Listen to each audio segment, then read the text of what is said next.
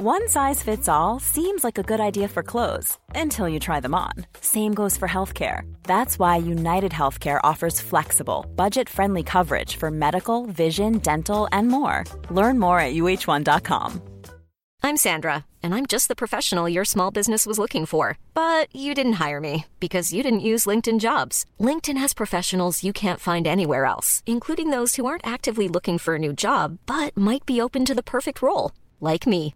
In a given month, over 70% of LinkedIn users don't visit other leading job sites. So if you're not looking on LinkedIn, you'll miss out on great candidates like Sandra. Start hiring professionals like a professional. Post your free job on linkedin.com/people today. Quality sleep is essential. That's why the Sleep Number Smart Bed is designed for your ever-evolving sleep needs. Need a bed that's firmer or softer on either side? Helps you sleep at a comfortable temperature? Sleep Number Smart Beds let you individualize your comfort so you sleep better together. JD Power ranks Sleep Number number 1 in customer satisfaction with mattresses purchased in-store. And now, save 50% on the Sleep Number limited edition Smart Bed for a limited time. For JD Power 2023 award information, visit jdpower.com/awards. Only at a Sleep Number store or sleepnumber.com.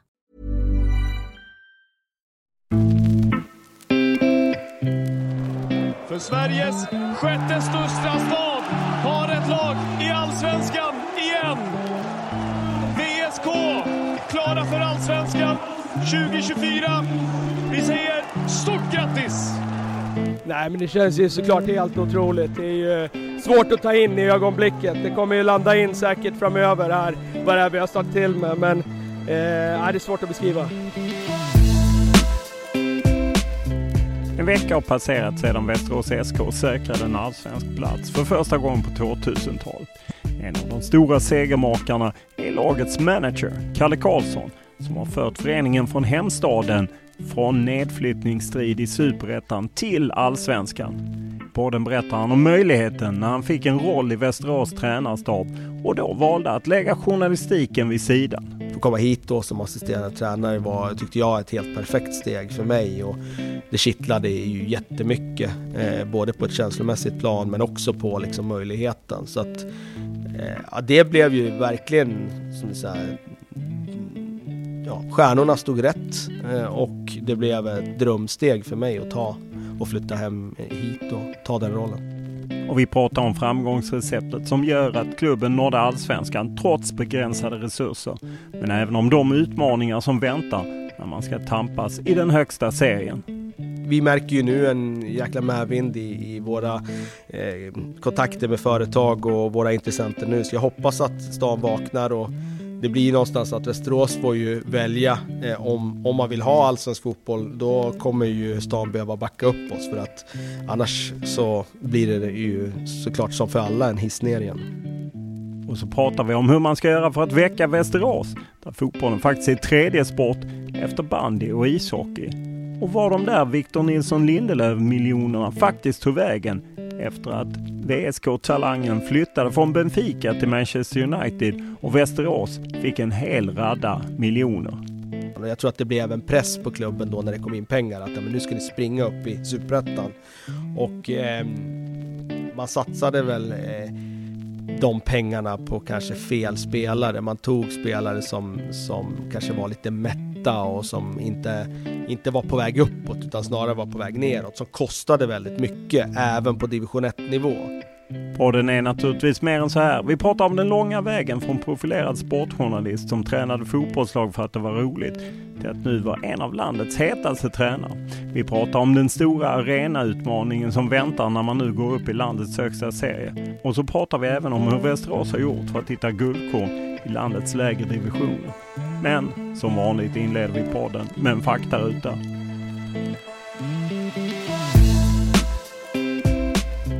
Ålder? Eh, 41. Bor? Eh, I Västerås i kedjehus. Familj? Sambo och två barn, fyra och ett halvt, två och ett halvt. Utbildning? Eh, ekonomi, inte klar ekonom, men nästan klar ekonom. Läst lite projektledning eh, eh, och så på högskolan. Lön? Eh, 44 000. Vad kör du? Eh, en Kia och en Skoda, två familjebilar. Vad läser du?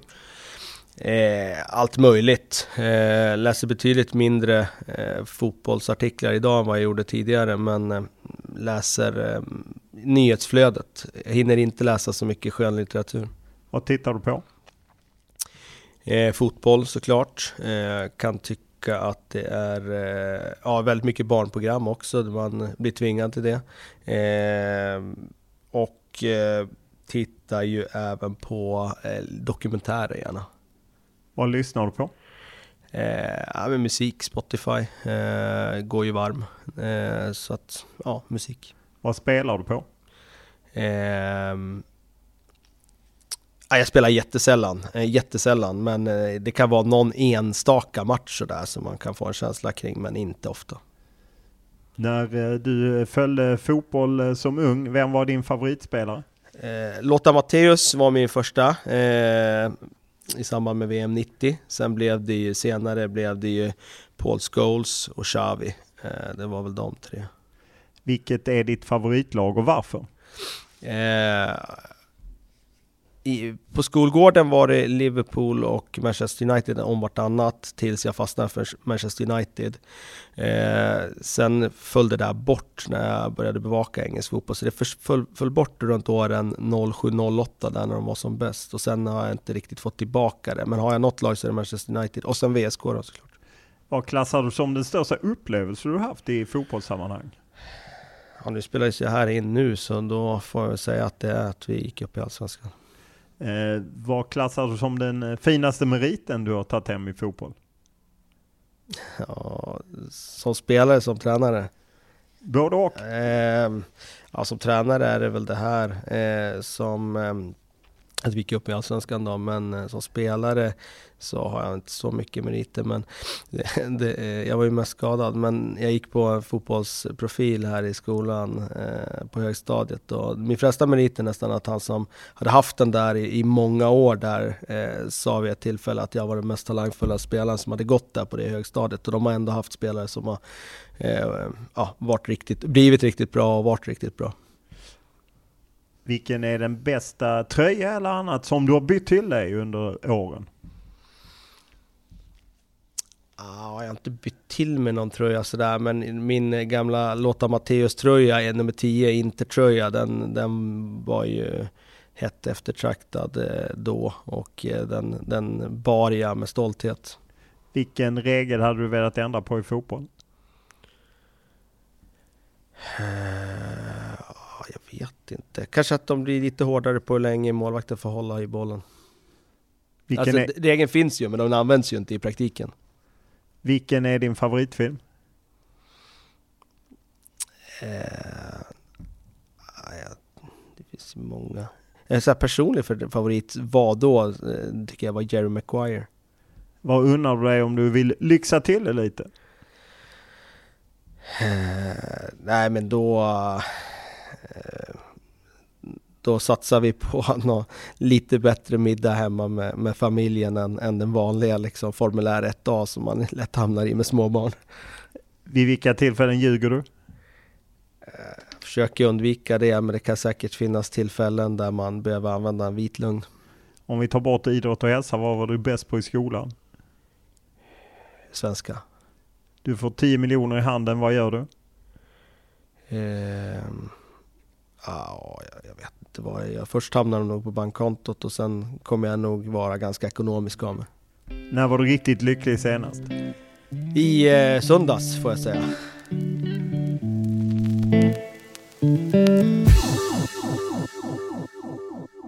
Ja, vi tar ju naturligtvis avstamp där vi sitter på eh, Hitachi Energy Arena eh, i Västerås och träffas. Det är några dagar efter det återstår i två omgångar. Vad är ändå känslan när du har lyckats ta upp eh, Västerås SK i Allsvenskan? Nej, men det är många känslor. det är såklart en lycka, det är en lättnad också för vi låg i ett bra läge hela hösten och det blev nästan till slut som att vi hade något att förlora om vi inte hade gått upp nu till slut. Eh, sen är det ju eh, nej, men enorm tillfredsställelse av eh, alla liksom, reaktioner vi har fått efteråt, både vi och spelarna. Liksom, jag märker att det är väldigt, väldigt många i Västerås som är väldigt glada och stolta över det vi har åstadkommit och det, är ju, det gör en ju genuint väldigt, väldigt glad. Du är ju från Västerås. Vad betyder det att ta upp sin egen klubb? Även för jag vet att du har spelat Skiljebo och andra föreningar.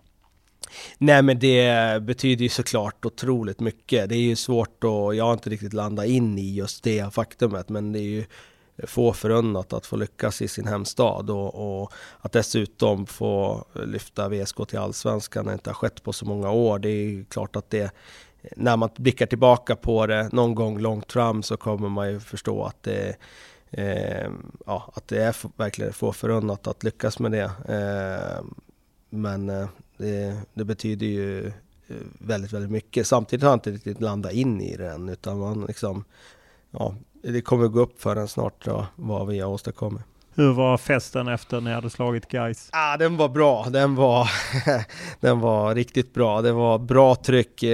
Vi var i, det stora utestället här i stan är ju O'Learys. Det låter ju verkligen småstad att eh, O'Learys är det stora stället, men de har ju byggt en stor nattklubb under O'Learys i Västerås. Så att, eh, festen var ju där och det var ett jäkla tryck. Sen var ju matchen, det var ju avspark så pass tidigt, eh, klockan ett där, så att den startade ju väldigt tidigt, så den dog faktiskt ut rätt tidigt också. Så jag säger att eh, den började ut efter 12, men det hade varit en lång dag för många och det var många som hade eh, några varma innanför västen av supportrarna så de började droppa av rätt tidigt faktiskt. Eh, om man, eh, det återstår ju när vi träffas två omgångar när andra lyssnar på det här har ni spelat ytterligare en match. Hur, hur är det att liksom hålla igång fokuset på de två matcherna? Ja men det kommer bli utmanande, det är lite mer uppsluppen eh, stämning nu i laget och så, man märker på spelarna så. Samtidigt så eh, finns det ju eh, ett tangerat poängrekord i Superettan att kriga för, det vill vi gärna göra. Så att jag vill gärna vinna de här två matcherna. Sen eh, känner man ju själv att det kommer bli svårare såklart att motivera oss till att spela nästa match än vad det var att spela den här matchen nu mot Guys när allting ställdes på sin spets. Vi mötte tvåan i serien, det var utsålt här och det var liksom, ja vi kan få avgöra på hemmaplan. Det, det, det kommer bli lite tuffare men jag hoppas att vi kan åka till Göteborg och en bra match mot Örgryte. Om vi bara drar tillbaka tiden, två och en halv månad, eh, Utsikten slår er med 4-0 den 18 augusti. Vad tänkte du då? Nej, det var inte så. Jag tyckte inte det var en så hård... Det var, mentalt var det, det är tråkigt att förlora en sån match med liksom så rinner det iväg. Men det som sker är ju att vi får en utvisning i, efter 21 minuter och då tar ju matchen skruv. Innan det så tycker ju vi att vi gjorde en väldigt bra match och vi, vi har ju totalt grepp på matchen innan den utvisningen och vi har haft ett par riktigt bra chanser att göra 1-0. Eh, så det kändes ändå som att, ja, det ja, det var ett snedsteg i arbetet, men det var också en utvisning som präglade matchen mycket. Eh, en förlust på 16 matcher är ändå otroligt starkt. Vad är, vad är det som gör att ni får, får, håller ihop det? Jag tycker att vi kan hantera många olika matchbilder. Oavsett hur motståndarna eh, hanterar oss och de kan, så kan vi eh, liksom, vi kan spela högt försvarsspel, vi kan spela lågt försvarsspel, vi kan eh, ha bollen mindre i matcher och ändå vara trygga med det. Men självklart så kan vi också eh, styra matchbilderna, vilket vi vill göra helst. Eh, jag tycker att vi, vi behärskar många olika delar eh, i spelet så det här året och det gör att ja, eh, oavsett vilket motstånd vi har mött så har vi haft ett svar på det. Eh, om vi backar tillbaka i, i mars inför eh, eh säsongen Eh, vilka ingångar hade du inför den här superettan-säsongen? Nej men jag kände i vintras att vi hade ett väldigt bra lag på gång. För förra hösten, sista tio matcherna då, så var vi topp två i Superettan. Det var bara BP som tog fler poäng än oss sista tio matcherna då. Så, och vi fick behålla alla spelare förutom Viktor Granat. Men det var också enligt plan att sälja honom för att han ville gå och vi ville ha pengarna. Och vi behövde pengarna för vi hade en väldigt tajt ekonomi förra vintern. Eh, men vi kände ju att vi hade en bra stomme. Eh, så vi kände att får vi bara spela det hyfsat hela här så kan vi absolut vara eh, liksom på topp 6. Och Superettan är ju så jämn, så är man bara på över halvan så kan man ju drömma om det. Så jag kände nog att jag hade en bra känsla. Sen gick det ju väldigt starkt, och du sa i mars nu, då hade vi spelat Svenska Cupen och vi hade gjort det väldigt bra i Svenska Cupen. Så då var nog både vi och hela laget övertygade om att nej, men vi kommer att bli starka i år. Eh, så min känsla var att eh, ja, vi, vi kommer att vara med på övre halvan. Sen vet man ju aldrig liksom om man räcker hela vägen. Liksom. Det, där, när du säger mars, så trodde jag fortfarande att ett lag som Helsingborg kanske skulle kunna få till det med tanke på de musklerna de har. Eh, Öster hade byggt för att gå upp. Eh, jag såg dem som de, fortfarande som de två stora favoriterna. Ja, för att på upptaktsträffen så är det just Öster som tippas etta, Helsingborg tvåa och Gais Trelleborg, sen Örebro också, Örgryte och först sjunde plats Västerås. Mm. Nu bryr mig, jag med, det är ju vad det är, ett, ett mediatips. Men ja. jag läste också uttalanden att du påpekade just det här att vi var väldigt starka på hösten, vi har samma trupp i princip. Fanns det en underskattning tror du från många kring eh, er? Ja, uppenbarligen då eftersom vi tippades sjua. Men samtidigt, jag märkte också att det fanns några som hade sett oss i Svenska Kuppen och de tryckte på att Västerås kan vara en dark horse i år. Eh, det kanske var de som inte bara såg oss i matchen mot AIK utan även såg oss åka och, och mosa Varberg om, omgången efter där. Sen visade det sig att Varberg var kanske inte så bra och så vidare. Eh, idag kanske inte de resultaten står sig lika starkt som de gjorde där och då. Men det var några som ändå höjde ett varningens finger för oss. Och, eh, men ja, det är klart att där och då, men det är inte så lätt. På superettanivå har ju inte alla runt omkring så bra koll på lagen. Eh, så att jag har ju sett det varje år i Superettan att eh, man hade inte koll på hur bra Värnamo var när de kom upp. Man hade inte koll på i fjol hur bra BP var när de kom upp och så bara springer de rakt genom serien i år, nu har man ju alla lärt sig att en nykomling kommer alltid gå bra i Superettan. Så i år var ju första gången en nykomling som Gais verkligen tippades att vara i toppen och det visade sig vara rätt. Eh, man kan ju nämna att ni släppte granaten, ni behövde pengarna, sålde honom, tog in eh, Jabir Ali från eh, Sandviken, väldigt lyckad värvning. Hur, vilken eh, trygghet hade du i att han skulle fortsätta göra mål?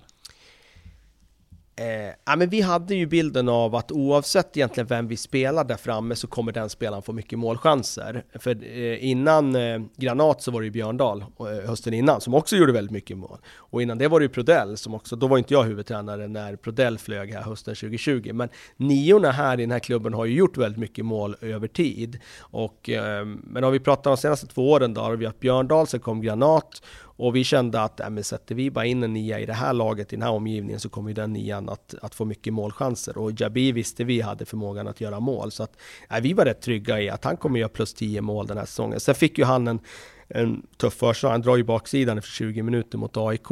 Och sen missar ju han en väldigt stor del av försäsongen. Vilket gjorde att hans vår blev lite upphackad. Eh, om man eh, tittar på, på det resultat ni gör så är ni ju liksom starka eh, egentligen på alla delar. Vad, vad är det du har implementerat sedan du fick ta över som huvudtränare? Nej, men jag tycker vi har implementerat ett eh, aggressivt försvarsspel. Vi vinner bollen högt upp och Sen har vi väl eh, också utvecklat delar under den här resan. Jag tycker att från början implementerade att vi ville vara bra med bollen. Men då hade vi en annan typ av försvarare också som var väldigt bollskickliga. Alltså då var det naturligt för oss att bygga ett lag som var väldigt passningsskickligt och ägde boll och så. Men då på den tiden så var vi inte lika bra på att vinna matcher. Det vi har utvecklat tycker jag är att vi vi spelar inte med lika hög risk idag, eh, men vi fortfarande behärskar vi, vi kan hålla i bollen och så. Men vi är i alla fall in, vi är inte det, ett, det laget som spelar med högst risk. Vi är andra som, som liksom är mer järva i sin speluppbyggnad än vad vi är idag. Men vi har blivit lite mer cyniska. Eh, vi hanterar liksom perioder i matcher när vi eh, blir lite lidande och inte är så bra så har vi lyckats i år att ändå stå emot, inte släppa in mål i de perioderna och så. Och vad jag har gjort kring det, ah, vi, jag tror den stora grejen är nog att vi successivt har förbättrat truppen. Vi tog över en trupp som var alldeles för svag men vi har lyckats liksom hitta med ganska små resurser bra spelare så att vi har liksom steg för steg bara förbättrat truppen. Det är den stora grejen. Vi har mycket, mycket bättre lag idag än vad vi hade för två år sedan. Hur har ni gjort det trots att ni har haft eh, begränsade resurser? Ja, men vi... Det har väl att göra med att vi har någon slags hantverk är det ju såklart som ligger bakom det. Att vi har lagt mycket tid på det. Jag har använt mitt kontaktnät från Stockholmsfotbollen. Jag jobbar ju där i lägre divisioner, i division 2, division 1 där under flera år. Och då det är klart att det var en massa spelare jag såg då i division 2 i Stockholm som jag hade bättre koll på än, än de flesta eh, såklart. Eh, jag såg liksom Tao Ali när han spelade i division 2, Jakob Widell Zetterström i division 2, Kristoffer Cassini, alla, alla de här spelarna som då, när division 2 då på den tiden i Stockholm var fruktansvärt bra, då runt åren 18-19 där, när jag hade Karlberg där fast många, många, många riktigt bra spelare där. Mycket tack vare att akademierna i Stockholm bara sprutade ut spelare som hamnade på den nivån. Jag tror att det är lika idag, men, men det, var, det var ännu bättre då. Och jag hade koll på de spelarna helt enkelt. Eh, och, och Hur mycket använt... jobbar ni med data? Ja, men inte att vi, inte att vi liksom har KPI som gör att vi tittar på att en, en vad är KPI ja, för den liksom, som inte kan? Ja, men siffror som liksom en, en mittfältare ska nå upp till den här siffran i passningsprocent för att vi ska värva. Inte så, men när vi väl värvar en spelare så, så tittar vi ju på både det statistiska och det subjektiva. Liksom. Eh, Idag när vi möttes här utanför och åkte hissen upp så berättade du att första nyförvärvet är presenterat. Eh, vem är det ni plockar in? Vi har värvat Marcus Lindey från eh, Assyriska FF då i Södertälje som eh, har stuckit ut under flera år. Jag har haft koll på honom i tre år och jag har velat värva honom i ett och ett halvt års tid. men nu till slut så fick vi säkra honom. Vilken position går han Central i? mittfältare är han. Tvåvägsspelare som är väldigt, väldigt smart spelare, 20 år gammal. Hur många spelare ska ni plocka in? Svårt att säga. Eh, jag kan inte ge dig en siffra, men eh, vi, i fjol hade vi väldigt liten omsättning. Vi värvade ju bara tre spelare inför det här året. Eh, vi kommer ju behöva värva mer nu. Hur lätt är det för er nu att värva spelare? Alltså det är ju lätt i att värva spelare. Det finns ju hur mycket spelare som helst som hör av sig och vill komma hit. Sen kommer det i alla fall vara svårt för oss att, att hitta, som för alla klubbar, att hitta rätt. Alltså vi måste ju hitta spelare som passar oss och vår plånbok, vår eh, spelmodell eh, liksom och även spelare som har rätt ambitioner och som eh, ja, eh, kan lyfta oss. Och det, det, det kommer bli en utmaning. Eh, får ni behålla alla spelare? Det är också ett problem ibland när man har framgångar och en del kan komma och plocka. Jag menar, BP var väl några efter man gick upp mm. exempelvis. Nej, vi får se. Eh, vi eh, jobbar såklart för att behålla våra bärande spelare. Sen får vi se här. Jag liksom utesluter ingenting. Det kan, liksom, vi, är ju, vi vet ju såklart, precis som alla andra klubbar, att vi är i en hierarki och och kommer det bud som, som är tillräckligt bra på någon spelare, då, då utesluter jag inte att, att det är spelare som kan försvinna. Sen har vi utgående kontrakt på några, eh, så att det är, det är svårt att säga. Det är säkert någon som lämnar. Vilket behov har ni av att sälja spelare för att ta in pengar för att kunna investera? Ja, det, det är en del, men det är inte det som är liksom, det är inte så att vi har något krav på oss att vi måste sälja för en viss summa för att böckerna ska gå ihop. Men självklart så, vi precis som andra, andra klubbar i, i Sverige behöver ju bygga ekonomi genom att sälja spelare. Det är ju svårt att förstå att ni inte har några pengar med tanke på Victor Nilsson Lindelöf-affären, Benfica, Manchester United, där det slutade med att Benfica köpte ut Västerås SK som fick närmare 40 miljoner kronor. Var tog de pengarna vägen? Ja, precis. Nej, men det är ju, en, eh, det är ju eh, såklart en eh, fråga som många i fotbollssverige ställer sig. Den har ju stötts och blötts här lokalt i Västerås såklart under de här åren. Men det man kan konstatera är att de pengarna kom in sommaren 2017 och då låg Västerås i division 1. Och Eh, det är ju ganska lätt att göra av med pengar och eh, det man gjorde var att man satsade på många spelare då för att nå kortsiktig framgång för att ta sig upp då från division 1 upp till superettan. Och jag tror att det blev en press på klubben då när det kom in pengar att men nu ska ni springa upp i superettan. Och eh, man satsade väl eh, de pengarna på kanske fel spelare. Man tog spelare som, som kanske var lite mätt mätta och som inte inte var på väg uppåt utan snarare var på väg neråt som kostade väldigt mycket även på division 1 nivå. Så man hade Men 40 miljoner? Ja precis, sen, sen fick man ju också börja från noll med att bygga upp akademin. Och det var ju eh, väl spenderade slantar tycker jag. För att VSK under hela 2000-talet har ju liksom startat akademin, så har pengarna inte räckt till, de får lägga ner akademin. Så det har varit sådär om vartannat. Man hade ju akademin där runt åren 08-09, då fick man ju fram spelare som Victor Nilsson Lindelöf och med flera som nådde eh, väldigt långt. Då. Han är ju lysande exempel, det fanns många som nådde elitfotbollen från den generationen. Sen fick man lägga ner den av ekonomiska skäl. Men när de här pengarna kom in så hade man ju möjlighet att starta upp den en gång, en gång för alla. Och det gjorde man. Man, man la mycket pengar pengar på, på att bygga upp den och det tycker jag var rätt spenderade pengar. Vi har haft en väldigt bra akademi under de här åren och det är också genererat spelare som har nått vårt eh, seniorlag. Var du ändå själv överraskad när du klev in i klubben att ingenting fanns kvar? Ja, eller? herregud alltså. När jag, när jag kom 2020 så tänkte jag att nu kommer jag till en klubb med pengar. Jag hade jobbat i Stockholmsfotbollen där det inte finns en enda krona på lägre nivå liksom. Man kände första liksom, månaden, veckorna att det fanns det. Sen blev det ju pandemi här. Och då blev det ju svångrem för alla svenska elitklubbar på ekonomin. Och sen presenterade vi bokslutet vid årsmöte bara någon månad senare och då var det väldigt många minus från året innan då. Och då var ju bokslutet så katastrofala så att mycket av den där stora pengen var ju redan då, våren 2020, var ju en stor del av den där summan på vad det nu var, 35-40 miljoner var ju borta. Eh, om man säger till Västerås då i det här läget, hur, hur, ska ni klara av att bli ett Varberg eller ett Degerfors eller ett Mjällby som klarar av att hänga kvar trots den här hierarkin eller näringskedjan som finns i fotbollen? Nej, men det kommer ju såklart bli utmanande, det är inget snack om det. Alla som kommer upp har ju sina utmaningar, vi har våra. Men vi har ju i Superettan har ju vi varit en av de klubbarna som har haft lägst marknadsintäkter av alla klubbar i Superettan, vilket är helt otroligt i en stad på 160 000 invånare.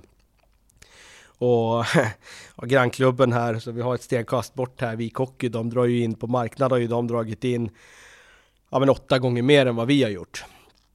Så att, eh, men samtidigt finns det ju en potential då också, tänker jag, i att vi, vi kan väcka den här stan och att vi kan få bygga marknadssidan som har varit eh, liksom släpande under många, många, många år i den här stan.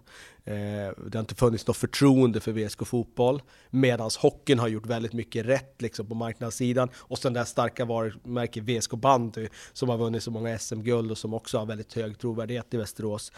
Eh, medan fotbollen liksom, eh, ja, det har varit ekonomiska problem i 30 år ja, märk, vi märker ju nu en jäkla medvind i, i våra eh, kontakter med företag och våra intressenter nu. Så jag hoppas att stan vaknar och det blir någonstans att Västerås får ju välja eh, om, om man vill ha allsvensk fotboll. Då kommer ju stan behöva backa upp oss för att annars så blir det ju såklart som för alla en hiss ner igen.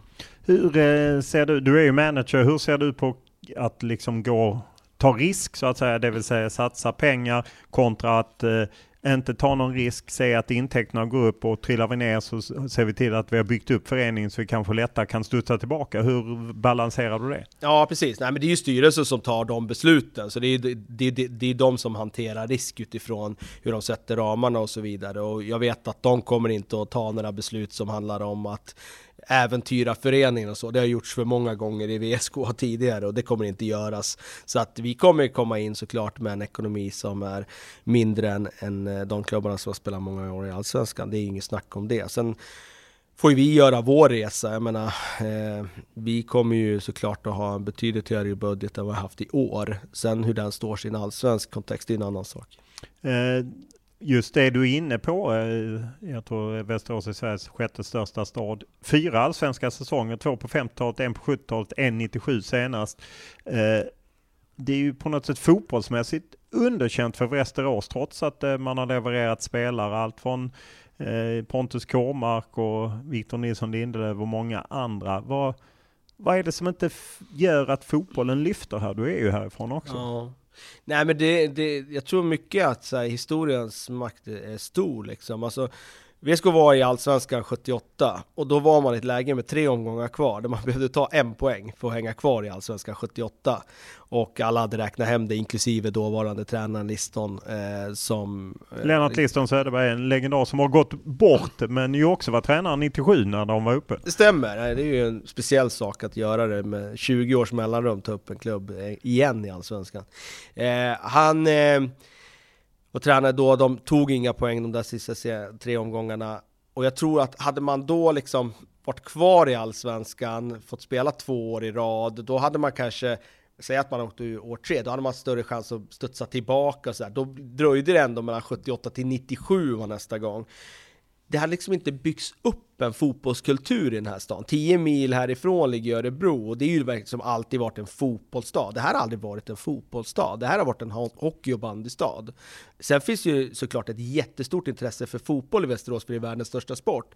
Men när jag växte upp här i Västerås så det var ju liksom inte det finns en kärna av folk som är väldigt intresserade av VSK. De har alltid haft en hängiven skara. Men det är många här tror jag i Västerås när de växte upp som börjar hålla på Stockholmslag och sådär. Vi ligger nära Stockholm och så. Och eh, liksom det intresse för den internationella fotbollen eh, hade jag ju själv också när jag var ung, det var ju väldigt stort. Men intresset för lokala fotbollen, eh, nej den, den fanns inte. Jag tror att trovärdigheten har inte byggts upp av att klubbar har gjort rätt saker. Liksom. Hur, hur, det finns ju flera områden. Hur påverkas man av konkurrensen eh, med bandy och hockey när det gäller talanger? Att unga börjar spela? Ja, jag, jag, jag, vet inte riktigt. Jag tror att eh, det är ingenting som jag märkt av under min, min tid här, liksom så att, eh, att det är något större liksom, eh, konkurrens om talangerna på det sättet än i någon annan stad. Det, det, tror jag inte. Fotbollen är fortfarande så pass stark och så pass stor så. Men eh, eh, nej men det är det är också en faktor att vi ligger ju nära Stockholm, så att en faktor har ju också varit att talanger här från Västerås har ju värvats till Stockholms akademi liksom, eh, genom åren. Så därför är det viktigt att vi har liksom, en bra akademi här som, som kan ha kvar talanger här. Eh, tittar man på supportrar, även där, jag menar folk har begränsat med tid och pengar och det finns både bandy och ishockey, även om det är vintertid mer finns ju viss överlappning. Hur ser du på det? Ni har ett publiksnitt i år på 38-60, lite hjälpt av slutet, men det är ju inte en jättesiffra med tanke på att det är sjätte största staden i Sverige. Nej, precis. Och det, det är ju kul att du säger det, för i fjol var snittet 1400. Eh, så att det här är en svårflörtad stad när det gäller idrott i stort. Jag tror att det beror mycket på liksom att den här staden har ju inte haft eh, SHL eller allsvenskan nu under 2000-talet. Det senaste är ju april 2000 när VIK åker ur elitserien och sen går i konkurs på sommaren. Och jag tror att när man har elitidrott, liksom SHL, allsvenskan, de två stora, då bygger det upp liksom ett intresse i en stad. Den här har somnat till, den här stan. Och eh, som sagt 1400 i publiksnitt i fjol och i år har vi lyckats öka det rejält. Vi kommer, eh, jag tror jag har goda chanser att öka det rejält i Allsvenskan också. Sen kommer inte det här vara en stad som, som, eh, där allt sker direkt såklart. Eh, och vi har ju dessutom en arena som, som lämnar en del i övrigt att önska. Så att det finns ju många utmaningar. Hur är supporterkulturen? Finns det överhuvudtaget någon eh, rejäl Eh, supportergruppering som backar upp er? Ja, absolut. Ja, men, så, under hela den här eh, liksom, ökenvandringen som VSK gör, eh, från 2005 när man åker ur Superettan, som är uppe ett år i Superettan, en 15 års tid. Under den perioden så finns ju fortfarande den här hängivna skaran kvar som följer laget, åker upp till Umeå och ser dem i division 1 och åker till liksom Trängens IP och tittar på dem och de här små Stockholmsarenorna Enskede och Gröndal och allt möjligt.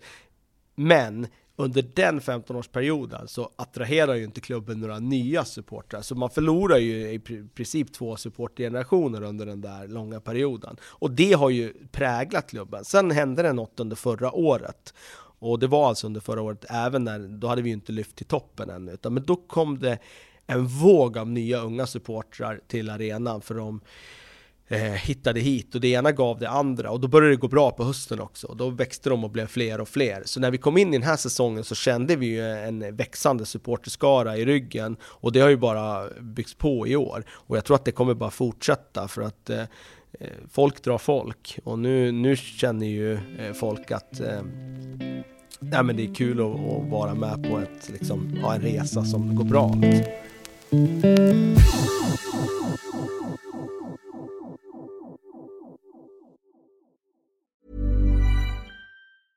Hiring for your small business? If you're not looking for professionals on LinkedIn, you're looking in the wrong place. That's like looking for your car keys in a fish tank.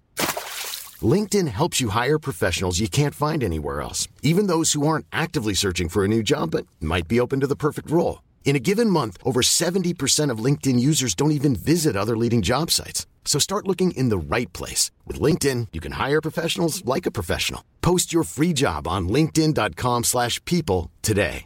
Burrow is a furniture company known for timeless design and thoughtful construction and free shipping, and that extends to their outdoor collection. Their outdoor furniture is built to withstand the elements, featuring rust-proof stainless steel hardware, weather-ready teak, and quick-dry foam cushions. For Memorial Day, get 15% off your Burrow purchase at burrow.com slash ACAST and up to 25% off outdoor. That's up to 25% off outdoor furniture at burrow.com slash ACAST.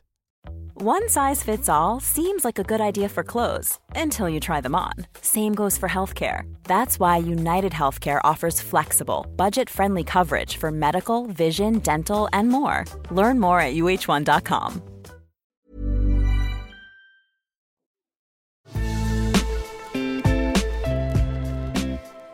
Absolut viktigaste och som är väldigt tvingande, som vi aldrig kan få dispens för, det är ju att det krävs ett eh, publikkameraövervakningssystem.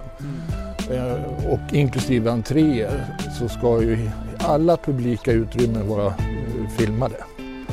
Och det går inte att backa ifrån. Så det, och där har vi också börjat en upphandling om att hitta rätt lösning här.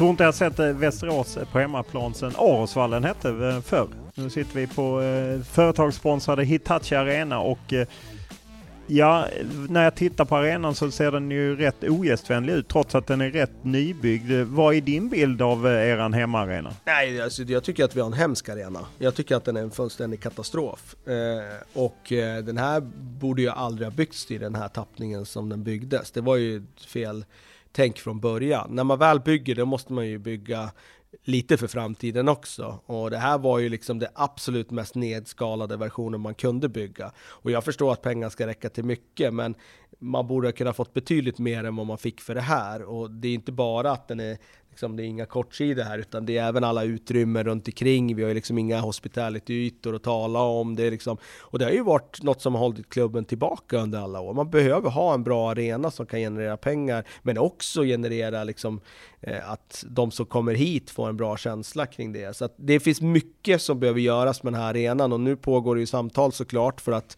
nu går vi upp och nu behöver den här förbättras på massa områden. Den är ju inte godkänd och då vi får väl såklart dispens som alla andra får, men, men saker behöver åtgärdas. och det behöver byggas kortsida här och det behöver byggas till massa olika utrymmen. Uh, är det kommunen som äger eller vem är det som äger?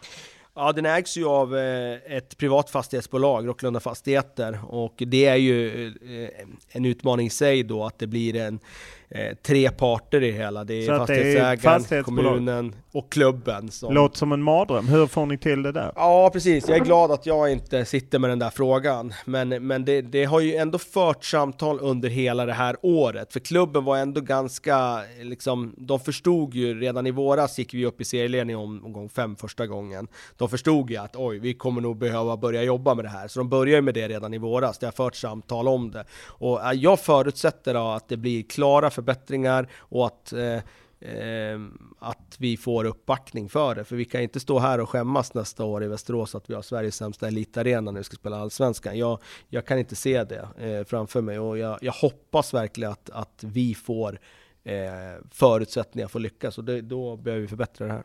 Eh, men jag har ju svårt att säga att de smäller upp två kortsidor på fem månader. Det har jag också svårt att se. Det kommer ju inte vara några permanenta lösningar, utan det de pratar om nu är ju en rejäl kortsida eh, ja, eh, mot Friskis och Svettis här eh, på den norra sidan då. Eh, och då kommer det ju vara mer en tillfällig lösning. Eh, jag skulle gärna se långsiktiga lösningar, men det, jag, jag, tror inte att vi kommer hinna få det på plats. Hur ser du på att eh, ni spelar på konstgräs? Ja, det är ju vad det är. Nu, det finns ju större problem med den här arenan än att, att det är konstiga, som du ser. Så att eh, det, det, det, det, är inte den största frågan med den här arenan. Men det är klart, om man får välja så, så hade vi haft en, en, en jättefin gräsmatta här. Du, eh, som alla började du som eh, egen spelare. Du berättade ju tidigare också i, i fakta utan att du gick eh, fotbollsutbildning. Du lirat för Skiljebo och, och en del olika Västeråsklubbar, dock inte VSK. Eh, vad saknade du för att ta klivet upp?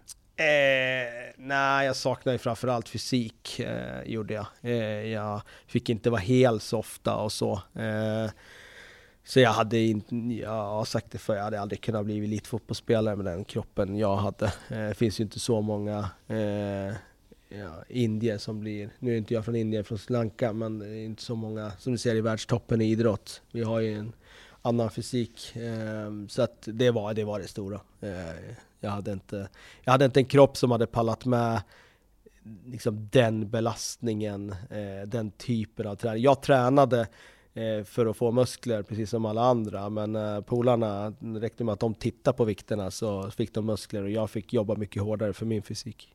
Hur var den känslan att inse det? Nej, alltså jag insåg nog inte det, för först började ju knäproblemen, så knäproblemen börjar ju liksom innan det. Det här är ju något jag blickar på, tillbaka på efterhand liksom och bara konstaterar att ja, även om jag inte hade skadat knät så hade jag nog fysiskt sett hade det nog inte gått ändå. Jag hade väldigt mycket talang när jag spelade, men det räcker inte med talang, fysik är en så stor del liksom. Så att eh, eh, jag vet inte, jag hade ju börjat jobba som sportjournalist då, jag tänkte inte så mycket på det då, då var det var det kul att vara sportjournalist också. Ja, för du har ju haft en journalistisk karriär till bara för några år sedan. Eh, vid vilket tillfälle inser du dock att träning och fotboll och se det från sidan, eh, att det var något som passade dig? Nej, men jag har nog alltid känt att det passade mig. Sen har det inte passat i mitt liv att göra det.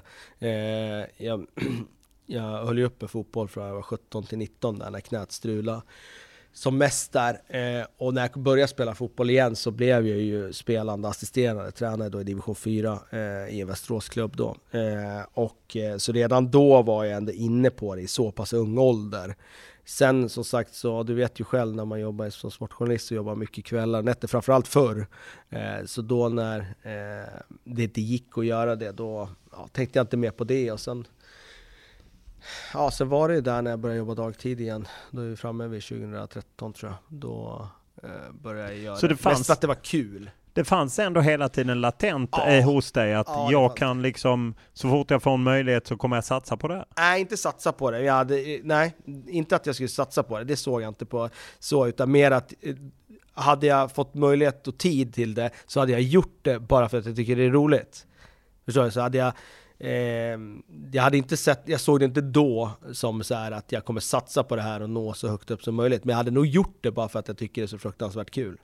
Ja, eh, och du eh, är ju först på VLT och sen är du på Expressen redigerare och Johan Orenius Offsides, en av de två chefredaktörerna, gjorde ett reportage om dig 2019 när du var i Karlberg och han skrev lite om ja, men hans lite känslor inför att du som kunde mycket mer fotboll, han skulle skriva krönikor och så. Hur var det där på Expressen liksom när du satt och, och redigerade andra?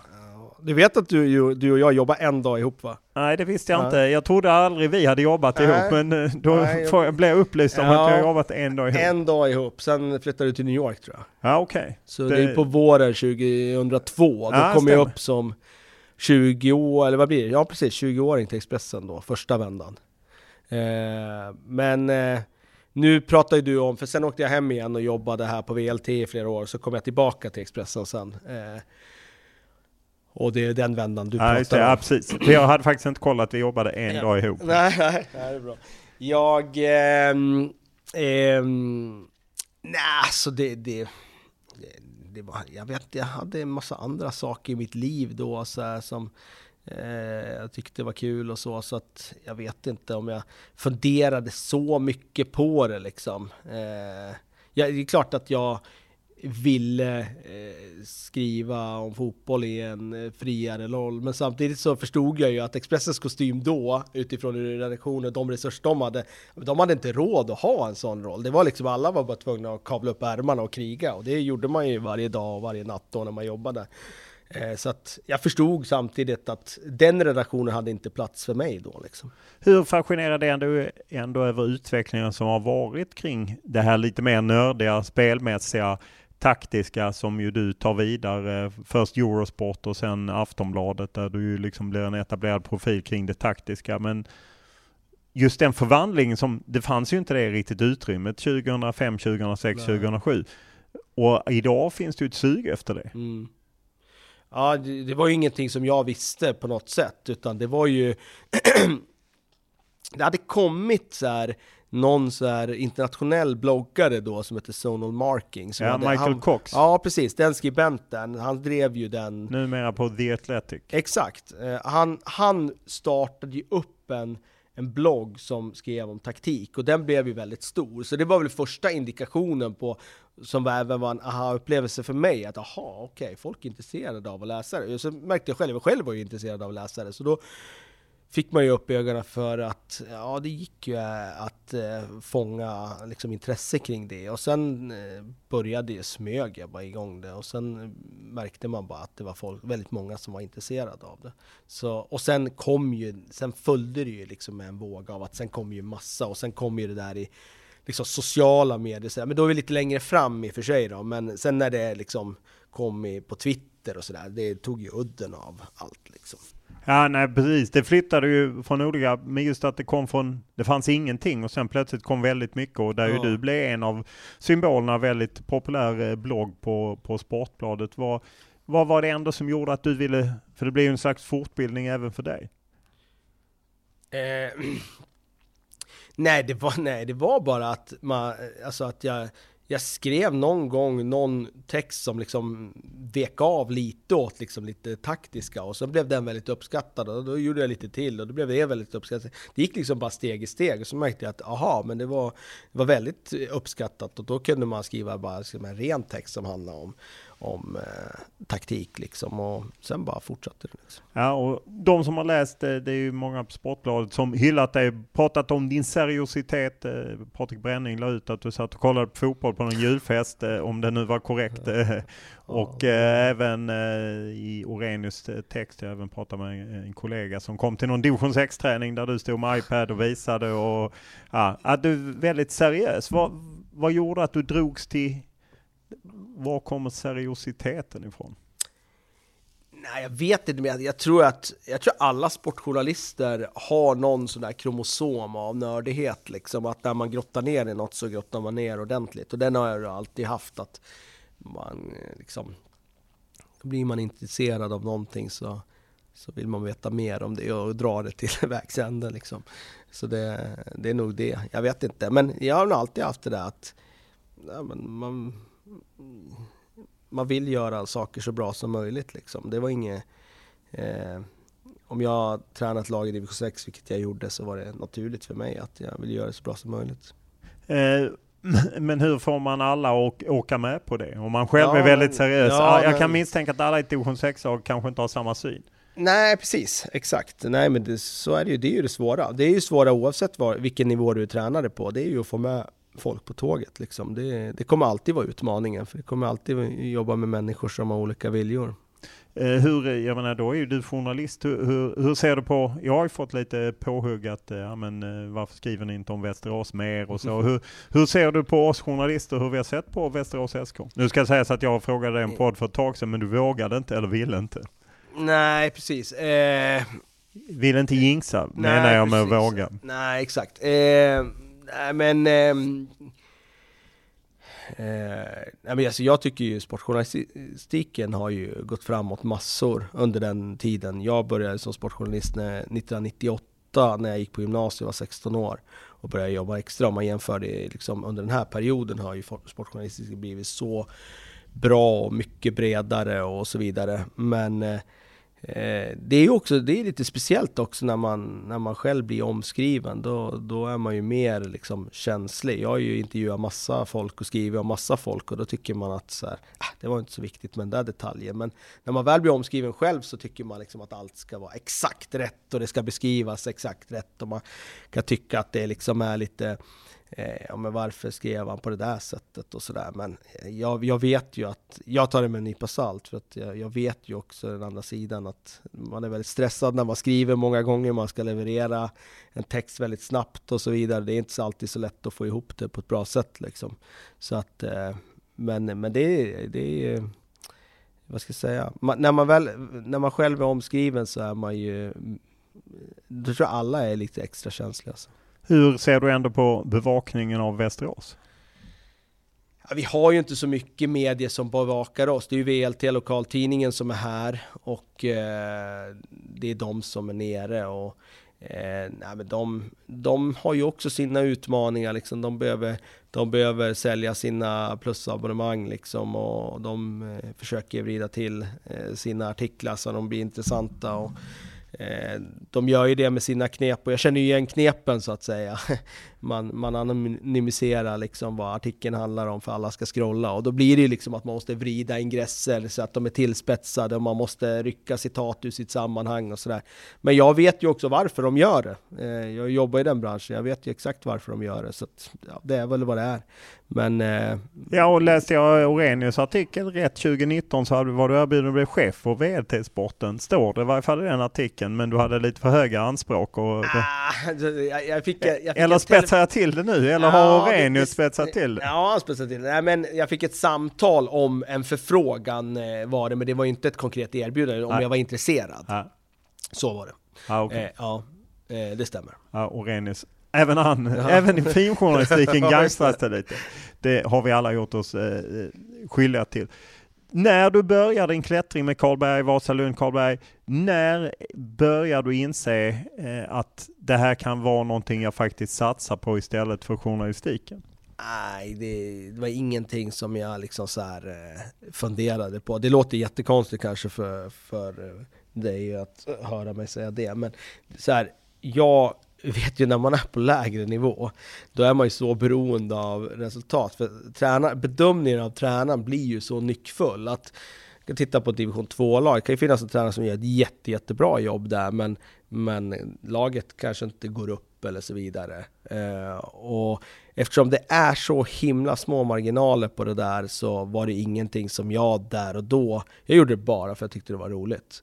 Eh, det var ingenting som jag tänkte liksom att det här ska, det här ska bära liksom uppåt, utan blir det så, jag vill göra allt så bra som möjligt, blir det så så blir det så, eller så blir det inte så.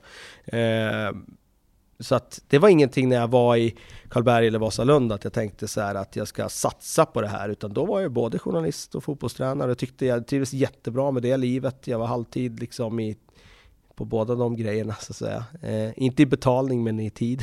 Eh, det var liksom, journalistiken betalade ju att jag kunde le leka fotbollstränare.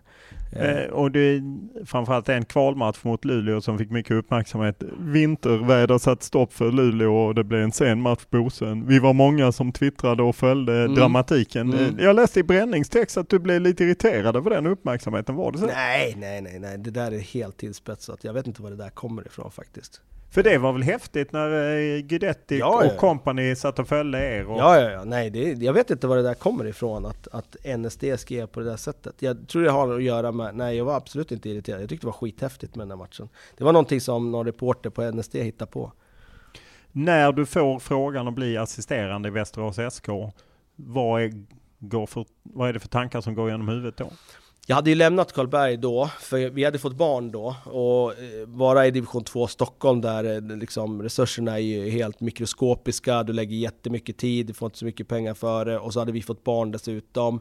Jag kände inte då att jag kunde göra division 2 ett år till. Det, det var, jag var liksom i det här make or break, vilket många tränare tror jag hamnar i. Det är det som är det svåra tycker jag med tränargrejen, att du, du jobbar dig upp och så kommer du till den där stunden, eh, liksom, tidpunkt i livet när du får barn och då kan du inte lägga lika mycket tid på. Du måste nå en nivå innan, innan du får barn, eller om det är tvärtom, när barnen har blivit tillräckligt stora. Och jag kände då att nu är jag på, på den liksom, eh, skarven här, vägskälet, där nu måste jag tjäna mer pengar på att vara tränare. Eh, för annars går det inte att få ihop familjepusslet. Och då valde jag då att, eh, att lämna Karlberg när mitt avtal gick ut då. Och, eh, det var eh, liksom, jag hade ju inte något på bordet när jag gjorde det, så jag tog ju det beslutet först och sen var jag inne, som jag alltid har sagt tidigare, jag kanske tar ett år där jag bara jobbar med journalistik och så. Men sen dök det ju upp då en lucka här i Västerås och då eh, eh, så eh, var ju det såklart, eh, ja, eh, väldigt lockande i och med att jag är från den här stan, det är den klubben som jag har hållit på och så, så vidare. Att få komma hit då som assisterande tränare var, tyckte jag, ett helt perfekt steg för mig. Och det kittlade ju jättemycket, eh, både på ett känslomässigt plan men också på liksom, möjligheten. Så att, eh, ja, det blev ju verkligen som så här, ja, stjärnorna stod rätt eh, och det blev ett drömsteg för mig att ta och flytta hem hit då. Och, eh, ta den rollen. Hur var det när du, jag menar Thomas Askebrand som är huvudtränare får sluta, du får ta över. Hur är det? En del tycker att de assisterande ska gå med huvudtränaren, du väljer att stanna kvar. Hur resonerade du där? Ja, precis. Jag resonerade med med, det har man ju gjort med andra tränare också. Det är väl en sak om man kommer ihop tillsammans till uppdraget, så att man tillsammans, att han har plockat in mig till uppdraget. Lite annorlunda när man kommer från två olika håll tycker jag till till ett sådant uppdrag. Eh, han hade också många gånger sagt till mig att du ska ta över det här efter mig, du ska ta över det här efter mig. Och han hade inför sommaren där hade han sagt att jag kanske lämnar. För han hade ett annat erbjudande då också innan han fick sparken. Då hade han redan krattat i styrelsen att han tyckte att jag skulle ta över och sådär. Så att jag visste att, att det var hans, eh, att han ville att jag skulle köra om det blev så liksom. Sen hade inte varken jag eller han räknat med att han skulle få gå. Så det, det är en annan sak, men det var styrelsens beslut. Eh, det var ju en kaotisk situation den sommaren för att vi hade sålt eh, det är alltså sommaren 2021? Sommaren 2021, vi har sålt spelare då eh, och sen tar jag över i början av augusti. Vi hade ju sladdat i tabellen redan och sen sålde vi spelare så tar jag över i början av augusti. Fönstret ska stänga jag 11 augusti och då aktiverar Elfsborg en klausul på Gustav Lagerbielke, så de tar honom som var vår bästa försvarare då. Han har varit otrolig den våren. Och sen är det en mittfältare, ordinarie, som hade varit väldigt bra, som, som får intresse från Norge, som inte vill vara kvar, som heter Albin Sporong. Han vill lämna, och så var det ytterligare en spelare som inte ville spela mer för VSK för att eh, Thomas fick sparken då. Och eh, som ett eh, Filip Almströms Täti som, som också lämnade då. Och eh, det var ju väldigt tufft. Väldigt tufft. Det var eh, dessutom, förutom det så hade vi ju våra två mest etablerade försvarare på skadelistan. David Engström och Pedro Ribeiro. Så man tar, när vi gick in i säsongen så hade vi fyra försvarare eh, Charles Abedkar försvann till Degerfors då efter Svenska Cupen där.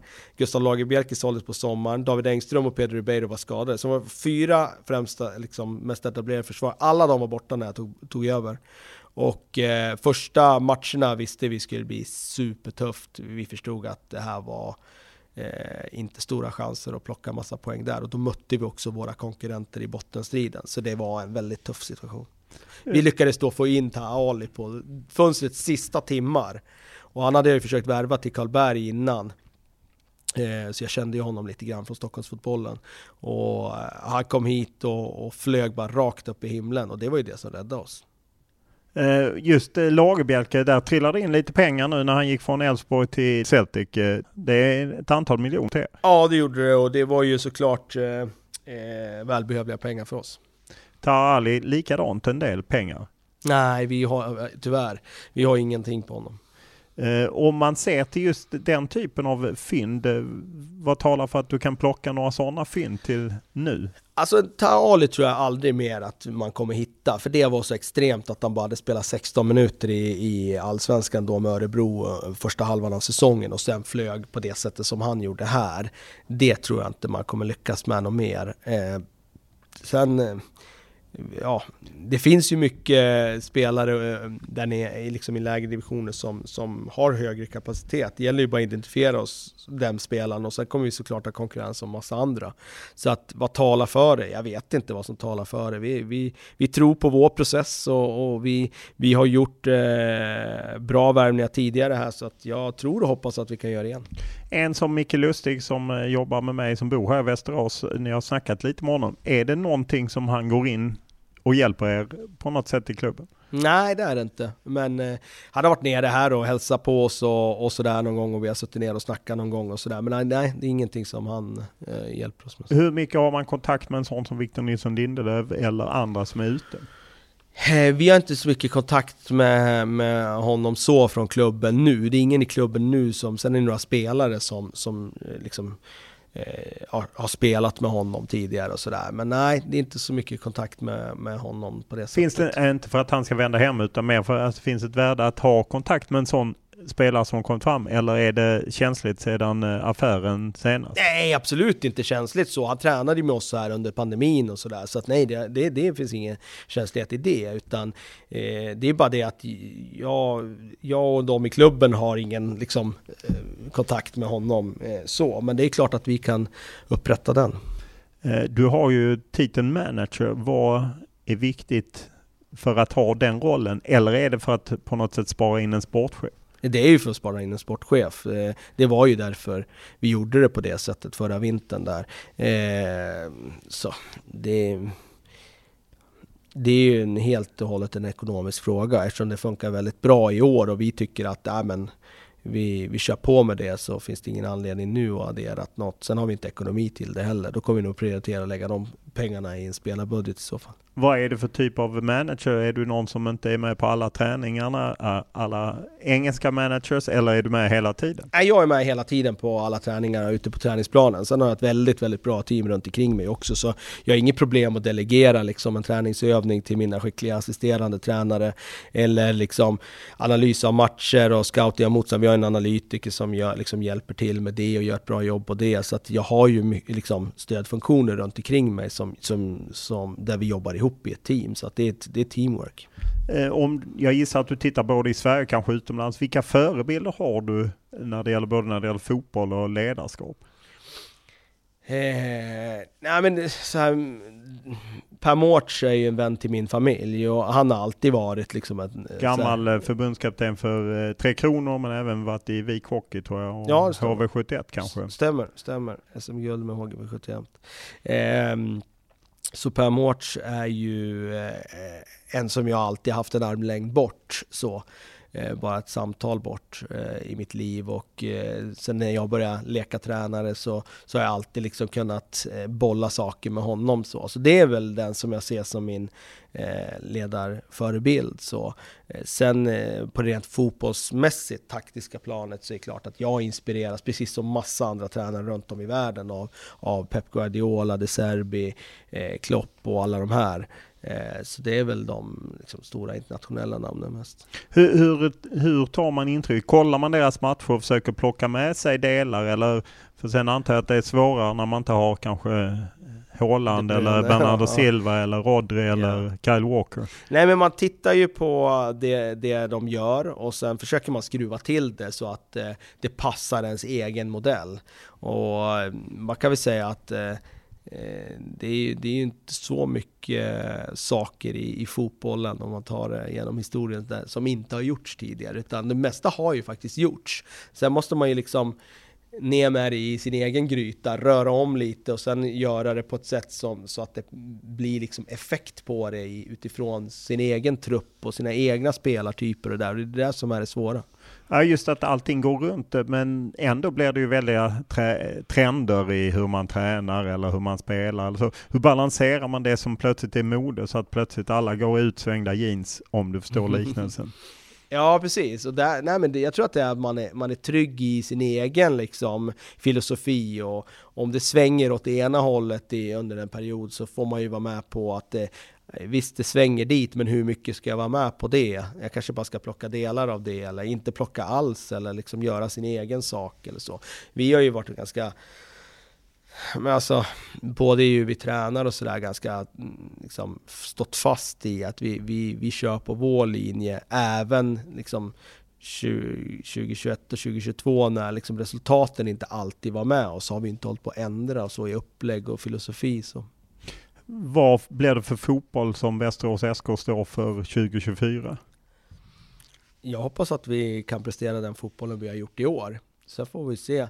Det kommer ju vara såklart en större utmaning när vi möter bättre lag. Men i år har vi ju spelat en fotboll som jag tycker är väldigt attraktiv, där vi pressar högt och där vi försöker styra våra matcher. Det är inte alltid möjligt, men här på hemmaplan har vi ju verkligen eh, varit kapabla att göra det vecka efter vecka.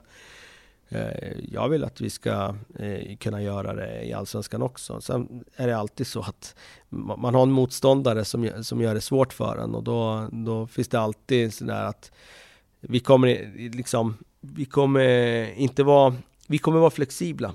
Vi kommer inte att eh, eh, eh, vara liksom ideologiskt som står fast vid någonting om det inte ser att det funkar.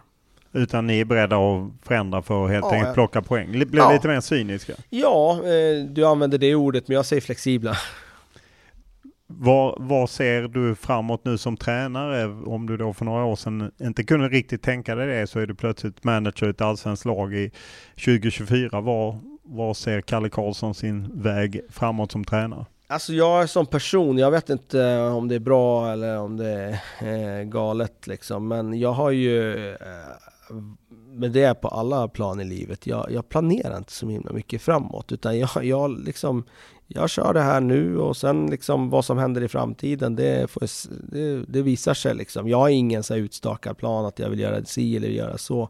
Nu är jag här i Västerås, jag trivs jättebra med det. Eh, det är en dröm att få leda liksom VSK, staden i mitt lag, där vi dessutom har gått upp i Allsvenskan. Eh, sen om eh, vad som händer sen, det är liksom, jag funderar inte så mycket på det. Jag försöker bara göra ett bra jobb eh, dag efter dag här och sen får man se vad det eh, liksom tar en. Är, man får ju ändå säga att yrkesmässigt har du valt två rätt utsatta, osäkra branscher. Fotbollstränare och journalist. Det är svårt att falla tillbaka från det ena till det andra om man säger så, eller? Ja, verkligen.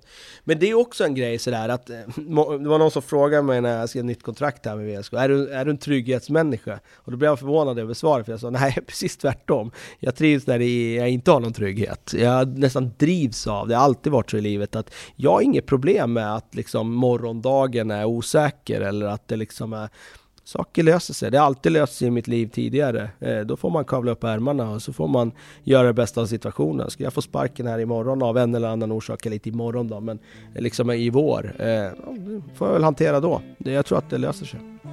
Stort tack för att du ställde upp. Tack.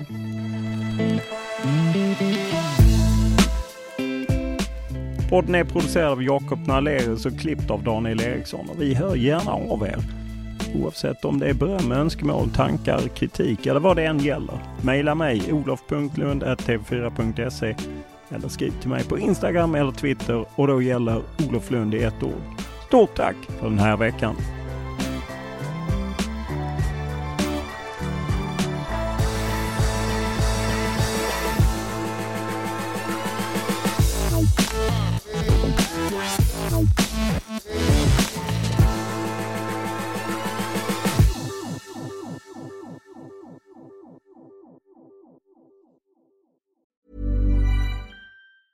Mom deserves the best, and there's no better place to shop for Mother's Day than Whole Foods Market. They're your destination for unbeatable savings, from premium gifts to show-stopping flowers and irresistible desserts. Start by saving 33% with Prime on all body care and candles. Then get a 15-stem bunch of tulips for just $9.99 each with Prime. Round out Mom's menu with festive rosé, irresistible berry chantilly cake, and more special treats. Come celebrate Mother's Day at Whole Foods Market.